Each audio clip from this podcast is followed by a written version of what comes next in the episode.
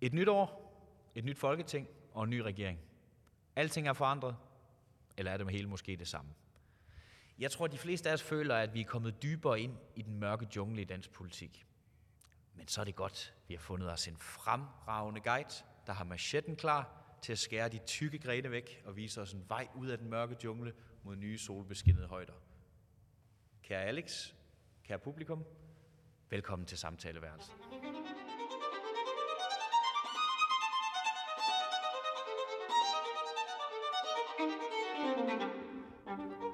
Ja, Alex, vi skal jo i dag tale om den nye brede regering med Socialdemokratiet, Venstre og Moderaterne. Om det nye Folketing, og ikke mindst Liberal Alliances rolle i den her nye politiske virkelighed. Og jeg kan jo starte lidt blødt ud.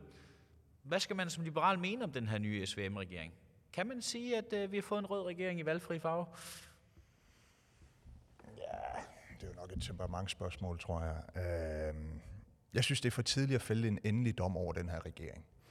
Øh, fordi man, hvis man skal sådan øh, give en overskrift for, for, for, for regeringsgrundlaget, så er det jo alle de steder, hvor det er konkret, er det uimponerende, og de steder, hvor det er imponerende, er det meget ukonkret. Øh, så, så jeg synes jo, når man ser på de konkrete ting, det de vil på, på, på, på, øh, på skat og øh, tilbagetrækningsreformer og lignende, jamen så må man jo bare konstatere, at vi definitivt har fået aflevet den myte, som først Lars Løkke og sidenhen Mette Frederiksen har turneret rundt med, nemlig den myte, at hvis bare midterpartierne fandt sammen i en regering over midten, så vil vi se et hidtil uset højt ambitionsniveau i forhold til reformer. Man vil kunne forandre systemet, man vil kunne tage de der beslutninger, der er upopulære, øh, men, men de rigtige beslutninger, øh, hvor, hvor argumentet har jo lyttet, at, at grunden til, at man ikke, særligt i forhold til den offentlige sektor, har kunne lave de der reformer, der virkelig forandrer systemet, det har været, at der ikke var nok systempartier i en regering. At det var simpelthen yderpartierne, sådan nogle som os, der gerne ville forandre systemet, at det var vores indflydelse, der var problemet. Det har været logikken, øh, og derfor skulle man finde sammen en regering i midten, så man kunne gøre noget helt hidtil uset. Og på alle de områder, hvor det er konkrete regeringsgrundlaget, øh, er det meget lidt imponerende. Øh, der er det mere rødt, end det er blåt. Sådan teknokratisk. Men der er nogle områder i forhold til udvikling af den offentlige sektor, øh, afbyråkratisering, det man kalder anden generationsreformer. Altså i bund og grund kan man få den offentlige sektor til at virke, hvor øh, det har potentiale til at være rigtig godt. Men det kan også være, at det bare viser sig at være en fuser.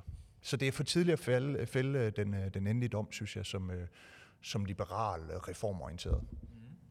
Ja, apropos reformorienteret, så kan vi jo starte der. Lad os dykke ned i et par områder. Øhm, inden for reformer, der har mange regeringer haft et mål om at øge det, der hedder den strukturelle beskæftigelse. Det er sådan en teknokratudtryk for noget, der svarer til en fuldtidsbeskæftiget person. Det er altså ikke en rigtig person, men det, der svarer til en person, der arbejder et helt år.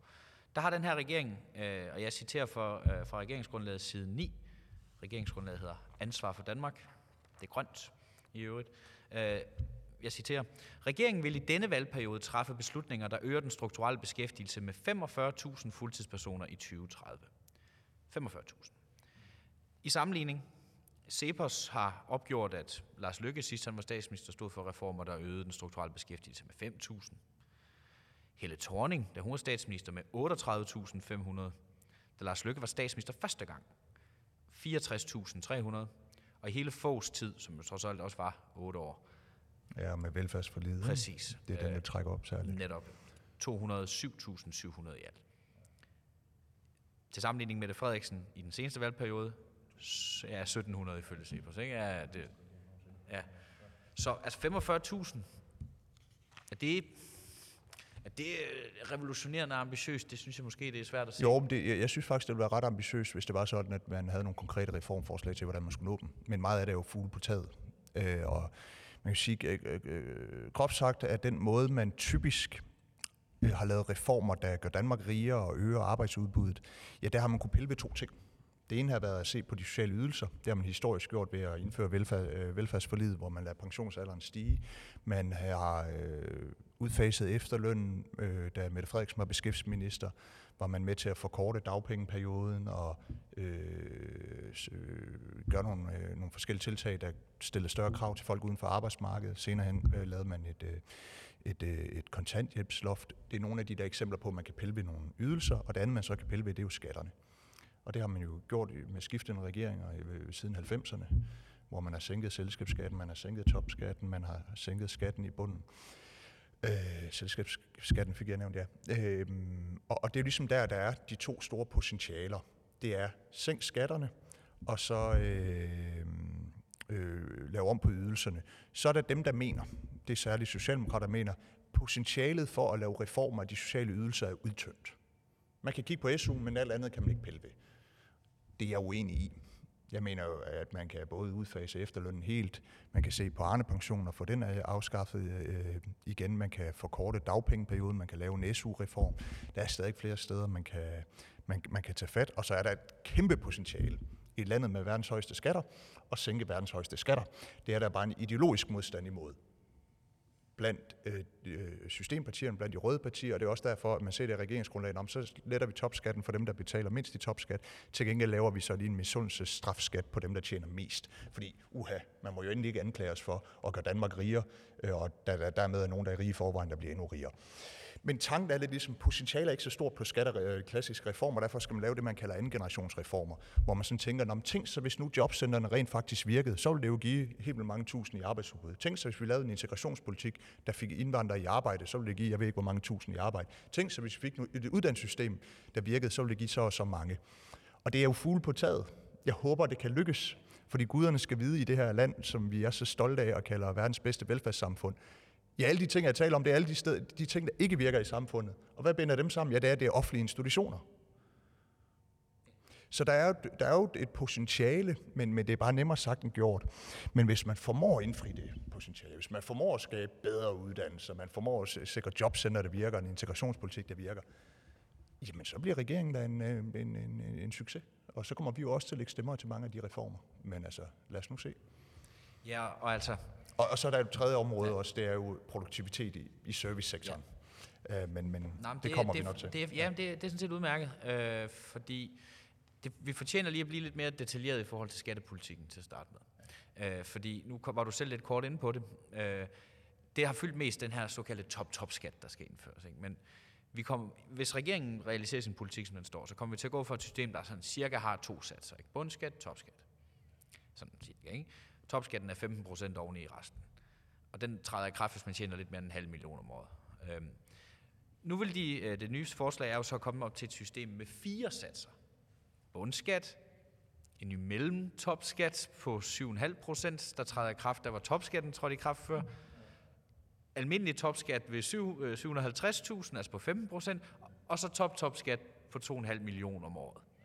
Summen af kardemommen, skatterne samlet set bliver sænket med 5 milliarder kroner, Præcis.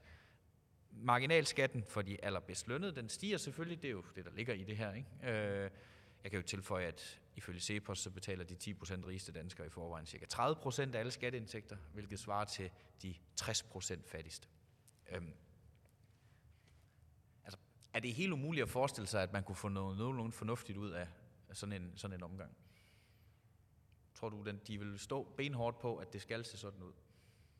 Ja, det vil jeg tro. Men altså, jeg ville jo nok stemme for det, hvis det var, der ikke var det der top-top-skat oveni. Men jeg synes, det er principielt enormt forkert. Det er at sende et stærkt signal om, at rige svin bare skal beskattes hårdere. Og det er ikke bare ren symbolik, det er også noget, der er til skade. Og øhm, jeg blev gjort meget nej på Twitter, da, da jeg skrev om det her. Men jeg var ude og besøge en virksomhed, og du var jo med, så, så du hørte det jo selv en, øh, en, øh, en dansk familieejet virksomhed, som har, jeg ved ikke hvor mange hundrede ansatte. Og de rekrutterer topledere fra andre lande. Og de ligger op i den der millionklasse i løn, fordi det gør sådan nogle internationale topledere. Altså, de kan få arbejde hvor som helst i Vesten og kan få millionlønninger. Så når vi skal tiltrække til Danmark, så kommer de som regel ind på en forskerskatterabatordning. Altså de betaler kun, hvad det, 27-28 procent i skat, øh, for ellers så vil de aldrig arbejde i Danmark. Når den periode så er udløbet, hvis virksomheden gerne vil fastholde dem, så får de sværere ved det, og de får svære ved at tiltrække dem, hvis, hvis de får en top-top-skat som de ikke vil have i, i andre lande. Så det vil bare gøre det sværere for store danske virksomheder, der agerer internationalt og tiltrækker den nødvendige arbejdskraft. Og øhm, så kan man jo sagtens skyde også i skoene, uha, ej, det er synd for en direktør, der tjener 3 millioner om året, han skal betale noget ekstra i skatter. Sådan lidt. Men det er jo ikke synd for ham. Han får da bare et topjob i et andet land. Men det er da synd for de danske virksomheder, der så ikke kan tiltrække de dygtigste kandidater. Det bliver man bare nødt til at forholde sig til. Så, så den del er jeg meget imod, men, men jeg ser jo gerne, at man sænker skatten i, øh, i bunden. Det er lidt nogle småtterier, de er ude i. Altså, jeg tror, det er 200 kroner om måneden. Øhm, og jeg ser også gerne, at man sænker, øh, fjerner topskatten helt, men ellers så sænker den øh, på de områder, det nogle gange øh, er muligt. Men, men altså, øh, med tanke på, at man i sidste valgperiode hævede skatterne med mere end 10 milliarder i alt, og man så lægger op til med det her regeringsgrundlag at sænke skatterne med 5 milliarder for personindkomst, og så er der nok også 1-2 milliarder i forhold til noget virksomheder. Det er jo voldsomt øh, uimponerende. Ja, og meget apropos det med hæveskatterne. En af Venstres store sejre, synes de selv, er jo, at der er blevet indført et såkaldt et skattestop. I gamle dage, Anders Fogh gik til valg i 2001 på et skattestop. Øh, det var sådan set ret nemt at forstå. Det var, at skatterne skulle ikke stige. Øh, heller ikke øh, relativt set. Absolut set, undskyld. Det nye skattestop, skatterne må ikke stige samlet set, når man laver en skatteomlægning eller skattereform. Men for det første omfatter ikke tobaks- og nikotinafgifter. Det omfatter vel ikke top-top-skat? Nej, men det er jo fordi, så samlet set, så kan man lave det om. Mm, så hvis du bare, mm, øh, hvis du ærer nogen lige så hårdt, som du slår nogen, så går det lige op. Ja, ja. Øh, men, men du behøver ikke, du behøver ikke at ære de personer, du nej, slår. præcis. Det, ja, ja. det er bare ja. nogle andre mennesker. Ja. Øh, det gælder jo heller ikke erhvervsbeskatning, hvis provenyet føres tilbage til erhvervet krone for krone, altså så erhvervslivet bliver mere afhængig af offentlig hjælp. Ja, ja, så hvis man kan godt hæve skatterne, øge selskabsskatten, men så til gengæld øge erhvervsstøtten, ja. øh, så har man holdt skattestoppet. Lige præcis. Ifølge Venstre yes. og de andre socialdemokrater i regeringen. Yes, ja. lige præcis. Så altså man kan sige, hvis et skattestop ikke stopper skatterne fra at stige, er det så overhovedet et skattestop? Altså det... Nej, det er jo noget, noget ordjonglering. Men, men altså, det, det, det, det, er jo, det er jo fint nok, at man siger, at det samlede skattetryk ud over øh, alle de undtagelser, der man, man nogle gange har, at, at det ikke må stige, det synes jeg, der der er okay. Men altså, igen, man må bare sige, man kan, man, altså, øh, Jakob Ellemann begrundede det at gå i regering med Socialdemokratiet med, at, øh, at han, ville, han kunne få mere sin politik igennem, mere borgerlig politik igennem, end han ville kunne en ren blå blok. Og han har jo ret i, at der, der er nogle ting, han har fået i det der regeringsgrundlag, som man ikke ville kunne få igennem med de blå partier, eksempelvis en top-top-skat. Men jeg har svært ved at se, i hvert fald på skattespørgsmålet, at det er der, Venstre har fået de store enormser. Der står i regeringsgrundlaget, at man vil sænke beskatningen ved generationsskift i familieejede virksomheder, og man også vil se på beskatningsgrundlaget. Og øh, hvis de har forhandlet dygtigt der, så er de så enige om, at beskatningsgrundlaget ikke længere skal være, øh, at der sidder nogle medarbejdere i skat og siger, vi gætter på, at det her det er virksomhedens fremtidige værdi. Værsgo at betale skat af en værdi, der ikke er skabt endnu. Men at man i stedet for siger, hvad er egenkapitalen, og så beskatter det. Øh, hvis de får det igennem, så er det en sejr. Men det er så også det eneste på skat, reelt set. Men et sted, hvor Venstre faktisk mener har vundet en stor sejr til gengæld, det er, når det gælder forsvarspolitikken. Fordi øh, i regeringsgrundlaget, det står i det afsnit, der hedder beredte i en usikker verden. Der står, at Danmark skal fremrykke tidspunktet for, hvornår vores forsvarsbudget når op på de her 2% af BNP, som vi har lovet NATO. Det skal fremrykkes fra 2023. Det var da det nationale kompromis. Meget, meget store ting, der blev indgået sidste år angiveligt, handlede om. Men i stedet for skal det nu ske i 2030. Jeg sagde 2023 før, 2033. Altså tre år før det ellers var planlagt. I 2021 var det danske forsvarsbudget, det vil sige, det er det også cirka nu, på 1,34 procent af BNP. Så det altså er 1,34? Eller? Ja, ja, præcis. Ja. Øh, jeg lærte i matematik i folkeskole, at man skal sige tallene, når det er efter, efter uh, cifret, men det er, oh, hvad det er. Okay. Ja, ja, det er jeg lyttede ikke efter. Nej. Ja. Skolen ja. altså. Nej, men det, det vil sige, det svarer altså til 0,65 procentpoint, det skal stige de næste syv år, i stedet for de næste 10 år. Ja, ja. Og det har Venstre selv fremhævet som en stor sejr. Mm-hmm. Jeg kan lige supplere, at øh, Rumænien de vil øge deres forsvarsbudget fra 2 til 2,5 procent af BNP, altså med 0,5 procentpoint alene i løbet af det her år. Øh, Japan de vil fordoble deres forsvarsbudget fra 1 til 2 procent af BNP over de næste fem år. Men i Rumænien og Japan har de jo heller ikke stor bededag. Så det er nok ja. derfor, de har råd til altså, det. Ja, ja, det er rigtigt, ja. ja men ja. At, synes du, det er at være beredt i en usikker verden, at man skal bruge syv år på at nå noget, vi lovede NATO i 2014, at vi ville nå? Nej, altså jeg synes jo, vi skulle have nået det for længst, og det skulle nås meget hurtigt. Men det er jo nemt at sidde her og være bagklog. Altså øh, den politiske realitet er, at der, der, der har været 90 mandater bag at nå det i 2033, og Venstre ganske rigtigt har rejst det her i forhandlingslokalet, og så har de fået det med ind, at det skulle være i 2030. Det er det er jo rent kontrafaktisk tænkning og gæt, gætværk. Men jeg er ret sikker på, at Socialdemokratiet er meget glad for, at Venstre er kommet med det krav. Altså, fordi de er jo presset af omverdenen. Du nævnte selv alle de der eksempler før det kan godt være, at vi står i Danmark og holder store pressemøder, og uh, her nu investerer vi i forsvaret, men andre lande siger, hvorfor er I så langsom? I har været bagud i mange år, og nu kommer jeg og fører jer frem. Så, så der, har jo været, der vil jo være et pres, uanset om det er en ren rød regering eller en halv rød regering, eller hvad det er på, at man skulle fremskynde de her investeringer. Så jeg ser det jo lidt som en, øh, at det jo et eller andet sted var en bunden opgave. Men jeg er ikke i tvivl om, det er noget, øh, der har Venstre har lagt meget vægt på i de her forhandlinger, og det er også noget, de har kæmpet for. Øh, så så det, altså, der går ikke noget af mig for at kalde det en, øh, en, en sejr. Man kan i hvert fald ikke påstå, at det er noget, man ikke kunne få igennem med Blå Blok. Men lad, lad det nu ligge. Jeg, jeg synes, det, det er fint, at man opprioriterer det der. Det havde der været katastrofalt andet. Så det, det, det, det, det, det synes jeg er, er glædeligt. Så spørgsmålet er bare, hvor hårdt står regeringen fast på, at for at komme med i et forsvarsforlig, skal du være med til at afskaffe stor bededag, og ja. kan de blive ved med at forsvare det der lidt mærkeligt kryds, og de bliver jo presset fra begge sider af Folketinget. Så det er interessant, om regeringen stod ind i sit, øh, sit første nederlag der. Jamen, det har jo alle, hvad kan man sige, alle tegnene til en perfekt tragedie, ikke? Og store bededagsmassakren, ikke? Øh, altså det, det kan vi glæde os til. Det kan, man, det kan man glæde sig til, når man følger dansk politik. Øh, et andet stort område, og også et område, der ligger dig meget på sinde, er velfærden generelt. Og du har jo netop også selv været lidt inde på det. Øh, de kalder det selv velfærd 2.0, altså på samme måde som man for 10 år siden i erhvervslivet kaldte ting 2.0, hvis det skulle være smart. Mm-hmm. Så gik man videre til 3.0, men altså i politik er vi blevet ved 2.0. Kan du huske, hvad vi kaldte Liberal Alliance efter sidste valg? Der sagde vi Liberal Alliance 2.0, nu genstarter vi partiet. Ja, præcis. Der var jo folk, der noget vidtigt sagde, det må være Liberal Alliance 2,3, fordi det var det, vi altid lå på i meningsmålingen omkring spærgrænsen. Liberal Alliance 1,9. øh, men øh, alfa. Øh, men det hedder altså 2,0 under titlen Et reformprogram, der udvikler Danmark modsat at afvikle. Ja. Det skal bygge på otte spor. Det er sådan set et meget langt dokument, der egentlig handler om, at de vil lave et endnu længere dokument. Men, men de her otte spor. Beskæftigelse, frisættelse, rekruttering, sundhed, uddannelse, trivsel, værdighed og vækst. Jeg har lyst til at spørge. Kunne man ikke have nøjes med to spor? Frihed og ansvar. jo, det ville være skønt. Men øh, der, er, der er jo noget på rekruttering, som, som, øh, som er afgørende. Sundhedsvæsenet har nogle komplekse problemer, som ikke kun handler om, om, om frihed og ansvar. Øh, så så, så det, det, det giver jo øh, udmærket mening, og forhåbentlig kan man jo bruge frihed og ansvar som nogle guidende principper til, hvilken politik man skal føre. Der er jo mange ting, man lige kunne tage fat på der. Der, der er jo otte områder for at være helt konkret, men, men hvis vi tager sådan velfærd i en bred forstand, og her tænker jeg øh, ældrepleje, daginstitutioner, øh, øvrige velfærdsinstitutioner, der leverer øh, pleje af en eller anden art, øh, og for den sags skyld også folkeskolen, hvor jeg tror, det er hævet over enhver tvivl, at man vil gå ret langt i forhold til at sige, så afskaffer vi kontrol og byråkrati af de offentlige øh, ansatte, og man vil nok også gå ret langt i retning af, at offentlige velfærdsinstitutioner i højere grad skal være selvejende end kommunalt styret og ejet. Vi må se med det sidste. Det synes jeg jo er spændende, fordi hvis man bare siger til kommunale velfærdsinstitutioner, nu er der ingen kontrol med, om I laver jeres arbejde godt.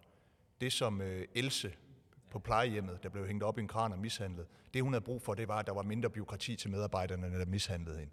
Altså, det, det er der jo ingen logik i. Men, men det første skridt, der er interessant, er jo, tør de at tage et opgør med kommunerne og sige, det er ikke jer, der længere skal eje og drive velfærdstilbudene. De er ofte finansieret og bevares, men de er selvejende. Det synes jeg er det første, der er interessant. Men det næste, som der ikke sådan for alvor øh, lægges op til i regeringsgrundlaget, men heller ikke sådan totalt afvises, men det, som jeg synes, der er det altafgørende, det er, får vi mere konkurrence om at levere velfærden. Fordi hvorfor er det, at vi har så meget kontrol og byråkrati af de offentlige ansatte? Ja, det vil være min påstand, at fordi vi ikke har konkurrence om at levere velfærden, så er det vores måde at sikre kvaliteten på det ved at indføre byråkrati. Fordi normalt, hvis øh, vi to driver et plejehjem, og jeg behandler mine øh, beboere på plejehjemmet dårligt, hvis der var en velfungerende konkurrence, så ville de vælge mig fra og dig til, hvis du havde en bedre en. Det kan de ikke i et system, hvor der mere eller mindre er et offentligt monopol eller en begrænset øh, grad af konkurrence. Så hvad skal man gøre som politiker? Så siger man, så må vi gå ind og kontrollere arbejdet. Så går vi ind og laver byråkrati for at kontrollere arbejdet. Så hvis du reelt vil af med byråkratiet, som skiftende regeringer de sidste 40 år har talt om, men ingen er lykkes med, så bliver du nødt til ikke bare en massiv frisættelse, men også en reel konkurrenceudsættelse. Så konkurrencen erstatter byråkratiet, så folk kan vælge det fra, der ikke fungerer. At det er det, der ligesom øh, er med til at sikre øh, kvaliteten. Og øhm, det tror jeg, mit bedste gæt er, at det vil Socialdemokratiet ikke være med til. Og så, altså, så, så er det jo, så, så, så er myten i hvert fald definitivt aflevet. Men jeg har da også lidt, det er jo meget ukonkret, det der står i det der regeringsgrundlag, så det er også der, der opstår en mulighed for Liberal Alliance. Øh, fordi altså, der er jo en ud af to muligheder. det ene er, at regeringen øh, ved, hvad den skal, og det ikke er særlig ambitiøst, eller også er det, fordi den ikke ved, hvad den skal, og derfor har den ikke skrevet det i regeringsgrundlaget, men så kan vi jo komme med gode idéer. Øh, så, så, så der er noget potentiale, der jeg synes, det, det er simpelthen der, det bliver afgørende, det er i hvor høj grad tør man at, at tage et opgør med kommunernes ejerskab på velfærd, og hvor høj grad tør man at sikre de bedst mulige vilkår for, at private kan levere velfærd også. Stadig betale over skatten, men en reel konkurrence. Hvis de kan det, så bliver det rigtig spændende. Ligesom det også bliver spændende, hvis de kan få jobcenterne eller beskæftigelsesindsatsen til at fungere.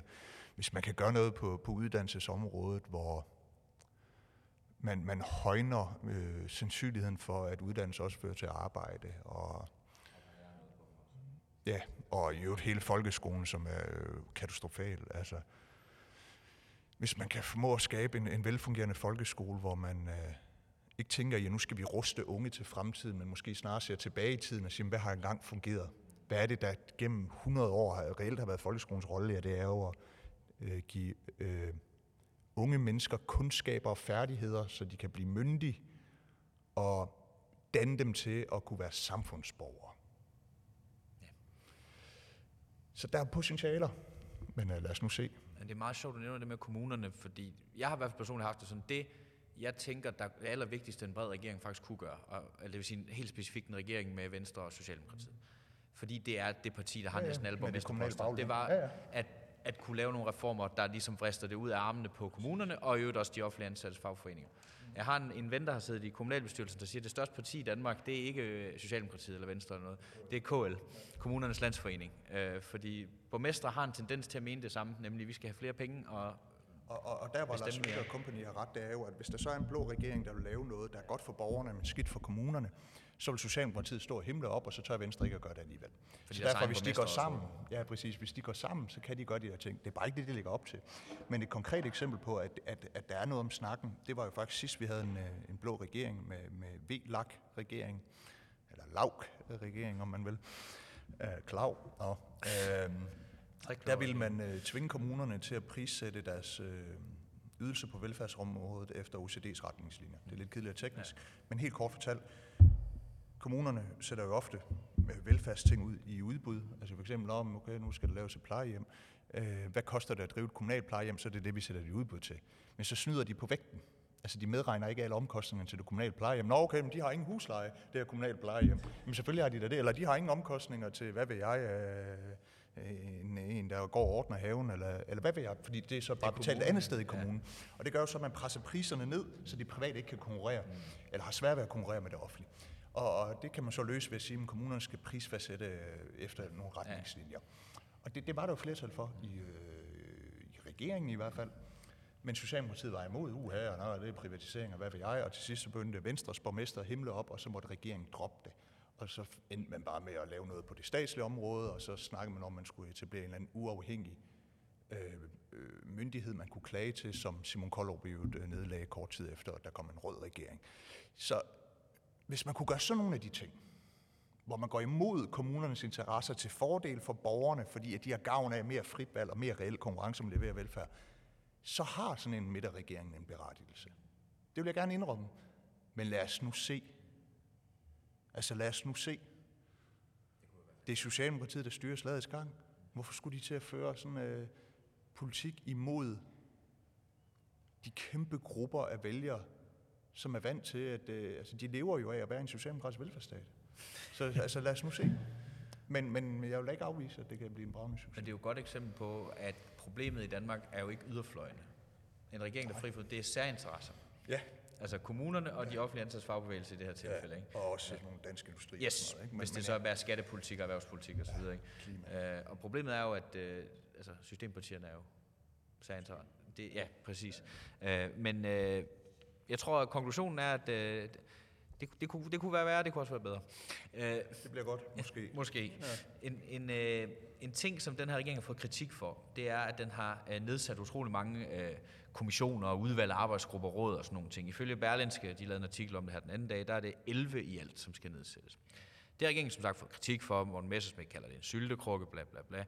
Vores egen retsordfører, Steffen Larsen, han sagde således til Berlinske, jeg citerer, når en ekspertgruppe eller kommission kommer med en rapport med anbefalinger om at implementere dem blindt, hvem har så ansvaret, hvis det fejler? Det virker på mig som en måde, hvor man kan fjerne ansvaret for politikere, og det synes jeg er en dårlig vej at gå. Altså, kritikken er ikke, at man bruger kommissioner og eksperter og den slags. Det er godt, fordi folketingsmedlemmer er jo bare mennesker, der altså, ikke er eksperter inden for det, det område. Men altså, er sandheden ikke, at når man nedsætter så mange kommissioner og råd og nævn osv., så, så er det fordi, man ikke selv tør sige, hvad man godt ved, der skal gøres? Øhm, jeg synes som regel problemet er snarere, at man nedsætter kommissioner.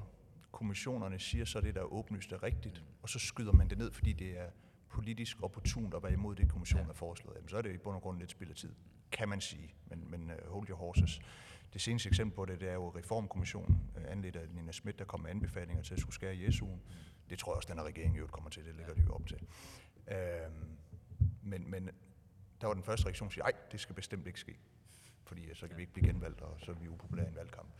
Øh, så, så det synes jeg generelt er udfordringen, men det er jo ikke sådan, at det helt er spild alligevel, fordi det, der ofte sker med kommissioner, det er, at de, øh, det er vel det, statskundskaber vil kalde, de primer mm. en bestemt dagsorden. De gør det mere legitimt at tale om, og det har ofte været sådan med forskellige kommissioner, at så bliver, når kommissionen kommer med deres reformforslag, så bliver det skudt ned, men så en overrække senere, så bliver det implementeret. Og det tror jeg også, vi kommer til at se med reformkommissionen ja. på, øh, på uddannelsesområdet. De kommer snart med nogle anbefalinger på, på jobcentrene, er jeg ret sikker på. Øh, produktivitetskommissionen, da de kom dengang, blev det også skudt ned, men meget af det blev sidenhen implementeret.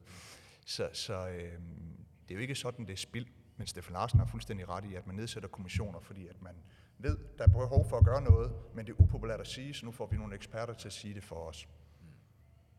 Det er men, for... men jeg har det sgu sådan lidt... Øh, øh, målet helliger midlet. Hvis det betyder, det så på ja. den lange bane giver flere reformer, ja. jamen altså, nedsæt alle de kommissioner i hovedet ja. Og så var, kan vi bruge Liberal Alliance til at sige sandheden. Vi er jo ikke bange for nej, at være de, upopulære. De kunne hyre os måske. Ja, ja, ja. Vi har nedsat en kommission, der består af Liberal Alliances ja. folketingsgruppe, der skal komme med anbefalinger til det, vi andre skal mene om fem år. Ja. ja.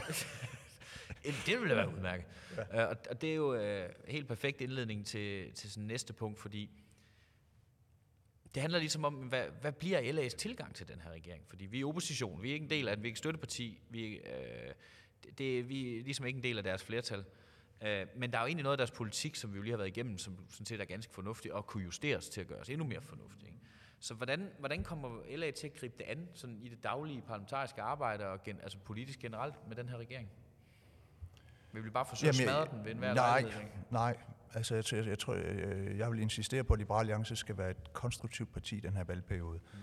Og det vil sige, at hver gang der er ting, der trækker i den rigtige retning, eller har potentiale til det, så skal vi gå konstruktivt ind i forhandlingslokalet. Mm og øh, forsøge at øge ambitionsniveauet så meget som overhovedet muligt. Men vi er jo et oppositionsparti, så når regeringen trækker tingene i den forkerte retning, vil vi angribe dem benhårdt, og vi vil udstille de områder, hvor regeringen enten er magtesløs eller ligeglad. Jeg synes noget som retssikkerhed, tror jeg bliver et oplagt område. Jeg ved godt, de skriver lidt om noget retssikkerhed til sidst og frem og tilbage. Men altså generelt at se på, hvordan styrker vi virksomhedernes retssikkerhed i det her land i forhold til skat? Hvordan styrker vi socialt udsattes borgers, ikke bare deres rettigheder, men at deres rettigheder bliver overholdt i mødet med kommunen? Og hvordan ser vi generelt på, at vi ikke skridt for skridt for skridt for skridt ender i det totale overvågningssamfund? Øh, der kommer vi til at gå efter regeringen, og vi kommer til at være super kritiske i forhold til den der pseudokommission, de har nedsat med, med Forsvars efterretningstjeneste. Hele skandalen om hjemmesendelsen af, af Lars Finsen, hvor det, man burde undersøge, det er jo, okay, hvor høj grad har Barbara Bertelsen og Mette Frederiksen var inde over, øh, har man ageret usagligt undervejs ved at undersøge hans sexliv og dele det med partiledere? Øh, har der været øh, forskellige årsager andet end rent savlig hensyn til, at man vil hjemmesende, og så siger man, at vi vil bare nedsætte en kommission, der undersøger årsagerne til hjemmesendelsen. Men det har man aldrig haft en kommission, der undersøgt. Man sendte jo hele FE-ledelsen hjem, fordi man sagde, vi tror, I laver ulovlig overvågning af borgerne, vi nedsætter en kommission, som kom frem til, I er pur frifundet. Men så har man jo undersøgt årsagen. Det er jo ikke derfor, vi vil have en kommission. Så det er jo sådan nogle eksempler på, at, at når regeringen bliver for magtfuldkommen, så kommer vi til at være et systemkritisk eh, liberalt parti. Men øh, jeg ser, altså, vi kommer til at have en konstruktiv tilgang i forhold til reformer og, og forskellige ting og sager. Altså, jeg gider ikke at sidde og surmule og sige, øh, I, I alle sammen nogle øh, klap af det. Altså, lad os se. Øh, jeg vil heller ikke afvise, at det er den regering, hvor vi efter tre år tænker, det var egentlig udmærket. Jeg tror det ikke. Jeg tror, det bliver sådan pff, nå, var det det? Men lad os se. Et hypotetisk scenarie. Ja. Regeringen har 89 mandater bag sig, så har den tre nordatlantiske, der hjælper dem. Øh, det vil sige, at dens flertal er i praksis kun på tre. Og det er totalt set. De nordatlantiske blander sig jo ikke altid i indrigspolitik, så i princippet kan den komme i mindretal, bare den mangler to mandater, teoretisk set. Hypotetisk scenarie. Øh, man indgår en skatteaftale med Liberal Alliance, der fjerner top-top-skatten og måske øger beskæftigelsesfordraget endnu mere, altså er endnu mere, om jeg så må sige, blot. Der er tre socialdemokrater i gruppen, der ikke kan klare det, melder sig ud, melder sig ind i SF. SF siger, Venstrefløjen siger, at de vil vælte regeringen på det her. Hvad gør vi så? Hvis det er en del af aftalen, at man ikke vælter regeringen på den sag, så gør man det jo ikke. Så lader man den leve. Øhm, nu er det jo vist ofte. Men altså, da, da, i den øh, periode, vi nåede at være med i forhandlingerne med Mette Frederiksen om en regering over midten, var det jo noget af det, som jeg bragte op. Det er, at den måde, vi kan have et godt samarbejde, det er, at hvis I vil lave nogle skarpe skattereformer, mm. altså nogen, der får venstrefløjen til at hyle og skrige, så garanterer vi, at vi ikke lægger stemmer til, at regeringen bliver væltet på den dagsorden. Det er klart, hvis regeringen gør noget andet, der, hvor der er et flertal for at vælte den, så vælter vi den jo. Øhm, så, så, så det vil ikke være min tilgang. Øh, Men det er meget hypotetisk. Ja, men med de partier, ja, det behøver ikke kun at være socialdemokrater, der kunne ryge ud af sådan en konstruktion. Øh, øh, det bliver i hvert fald spændende, tror jeg. Øh, man kan sige, nu sagde du, at det kunne godt vise sig efter tre år, at man egentlig har været okay glad for det, den her regering. Måske, ikke? Skal vi så måske bare have sådan nogle midterregeringer for evigt? Fordi jeg læste et udmærket indlæg i Weekendavisen i løbet af juleferien øh, om, at problemet med sådan en konstruktion her er jo, at den kortslutter sin egen opposition. Altså fordi, så længe Socialdemokratiet og Venstre hellere vil lave en bred regering, jamen så så længe der ikke er et flertal til den ene eller den anden side udenom dem, altså, så kommer der ikke til at ske noget, fordi vi kan jo ikke, altså, de borgerlige partier plus venstrefløjspartierne, hvis vi har 90 mandater til sammen, det kan vi jo ikke bruge til noget over at vælte en regering. Så hvordan er det lige, det, altså, hvad skulle, hvordan skulle det være muligt at komme videre fra det her igen? Og Jamen, det, ja, der er jo groft sagt to scenarier. Altså, det ene scenarie, det er, at det her det er et opbrud, vi ser, hvor vi kigger ind i en årrække, hvor vi vil have skiftende midterregeringer. Det andet scenarie er, at det er et parentes i Danmarks historie. Det bliver en regering, der makser i fire år, og så vender blokkene tilbage. Øh, jeg tror, det sidste er mest sandsynligt, men jeg vil ikke afvise det første. Og når jeg tror, det, det sidste er mest sandsynligt, øh, så skyldes det, at der er i sig selv noget unaturligt i, at blå partier i udgangspunktet vil have en socialdemokratisk statsminister, eller en socialdemokratisk statsminister siger, jeg vil gerne være statsminister, men jeg vil helst føre en halvblå politik. Altså det er der i udgangspunktet noget unaturligt øh, i. Og Mette Frederiksen har et fint alternativ at vende tilbage til i Rød Blok. Altså, når der ikke er et stort reformbehov, lige nu ville hun ikke kunne reagere med Rød Blok, fordi at øh, de vil råbe og skrige, hver gang hun skulle finde så meget som både fem øre til et eller andet, en eller anden udgift. Øhm, men men når, når der er bedre økonomiske tider, så, så vil hun jo sagtens skulle vende tilbage til en Rød Blok, eller have en ren øh, S-regering, og hun kommunikerer som en, der har et endgame. Midlertidigt arbejdsfællesskab og frem og tilbage. Altså hun betoner meget, at det her det er noget midlertidigt hvor, hvor Lykke siger, at det er jo nærmest mål i sig selv, en midterregering, og hvor Venstre er mere sådan, om det er fordi, vi har fået så meget politik igennem. De, de er på en måde mere ja. investet i regeringen, end Mette er. Hun kommunikerer som en, der er bevidst om at kommunikere på en måde, så det ikke er utroværdigt at tre år om at sige, det var dejligt arbejdsfællesskab, vi havde, nu har vi brug for rød politik igen. Øhm, og, og altså, hvad skal man sige, hvis Socialdemokratiet taber på det her, så er det fordi regeringen er for blå, så mister de mandater til rød blok. Så har de stadig flertal med rød blok. Øh, hvor, hvor, hvor den måde, Venstre har brændt broer i forhold til Blå Blok, gør det jo svært for dem at vende tilbage. Men jeg tror, det mest sandsynlige er, efter en år, at siger Mette Frederiksen, tusind tak for samarbejdet, fedt arbejdsfællesskab, hurra, jeg går til valg med Rød Blok. Hvis skulle danskerne så vælge en eller anden samlet blå blok, der ikke har samarbejdet øh, de sidste tre år, så bliver hun jo statsminister igen. Det er jo genialt. Men der er også den mulighed, øh, at regeringen bliver en bravende succes. Den er super populær. Den laver reformer, som gør, at det selv også øh, er svært for os at kritisere, og at man fremover vil se skiftende regeringer over midten. Øh, man kan sige, forudsætningen for, at det er langtidsholdbart, det er jo så, at man skal forestille sig, at Socialdemokratiet vil være villig til at acceptere en regering over midten, hvor de ikke selv sidder for bordenden. Og det kan jeg ikke forestille mig. Socialdemokratiet er alene et magtparti.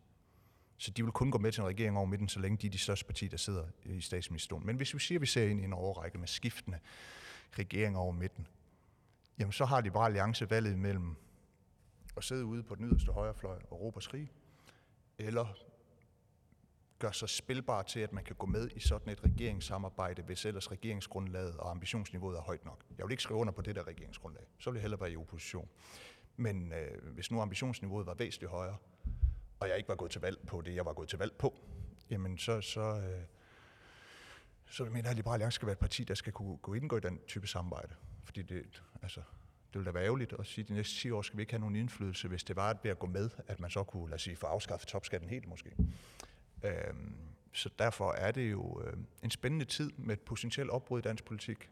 Hvis jeg skal gætte, og det er jo bare et gæt, så er det det her, det er et parentes i Danmarks historie. Blå og rød blok genopstår, når Mette hun trækker sig fra projektet. Lad mig i hvert fald om ikke en rent hypotetisk prøve at tegne et modsat scenarie op øh, ved at øh, kigge til en af vores nabolande, Holland. Fordi i Holland øh, har man siden 2010 haft en premierminister, der hedder Mark Rutte. Han er fra det liberale parti, det svarer til, til cirka til venstre. Øh, ja, knap og nap. Øhm, man er jo faktisk liberal på nogle punkter. Ja, på nogle punkter. Øh, og det var først i en regering med deres konservative partier, Geert Wilders øh, indvandringskritiske parti, Frihedspartiet, ikke? det svarer lidt til VKO. Nej, det hedder det jo Frihed, det er med J, der er F-R-V-R-I-J.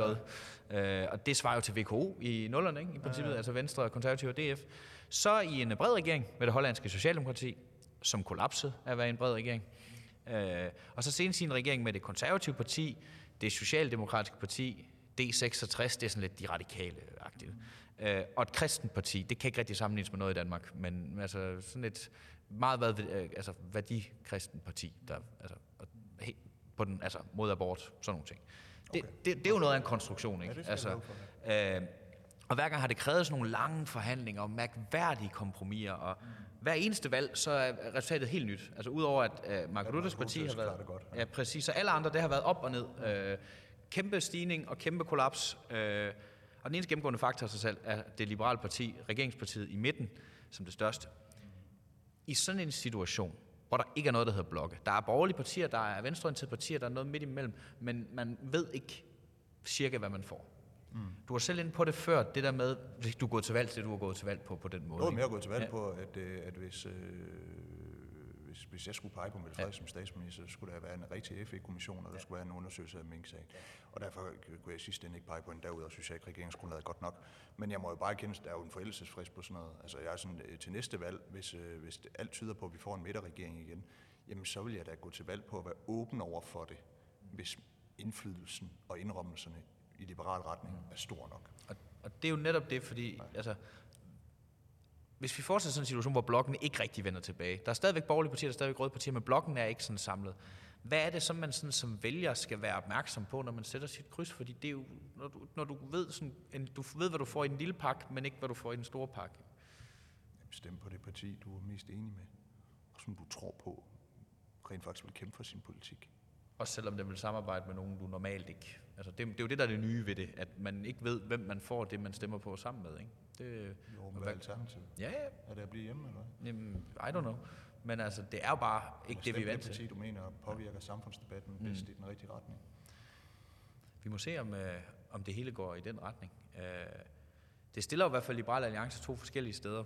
Om det er, øh, om man skal være i, øh, i et kaos, og være den, der ligesom kan holde nogenlunde stabilt fast i det, eller... Jo et godt citat fra Game of Thrones. Ja, det er godt. isn't a pit. Chaos is a ladder.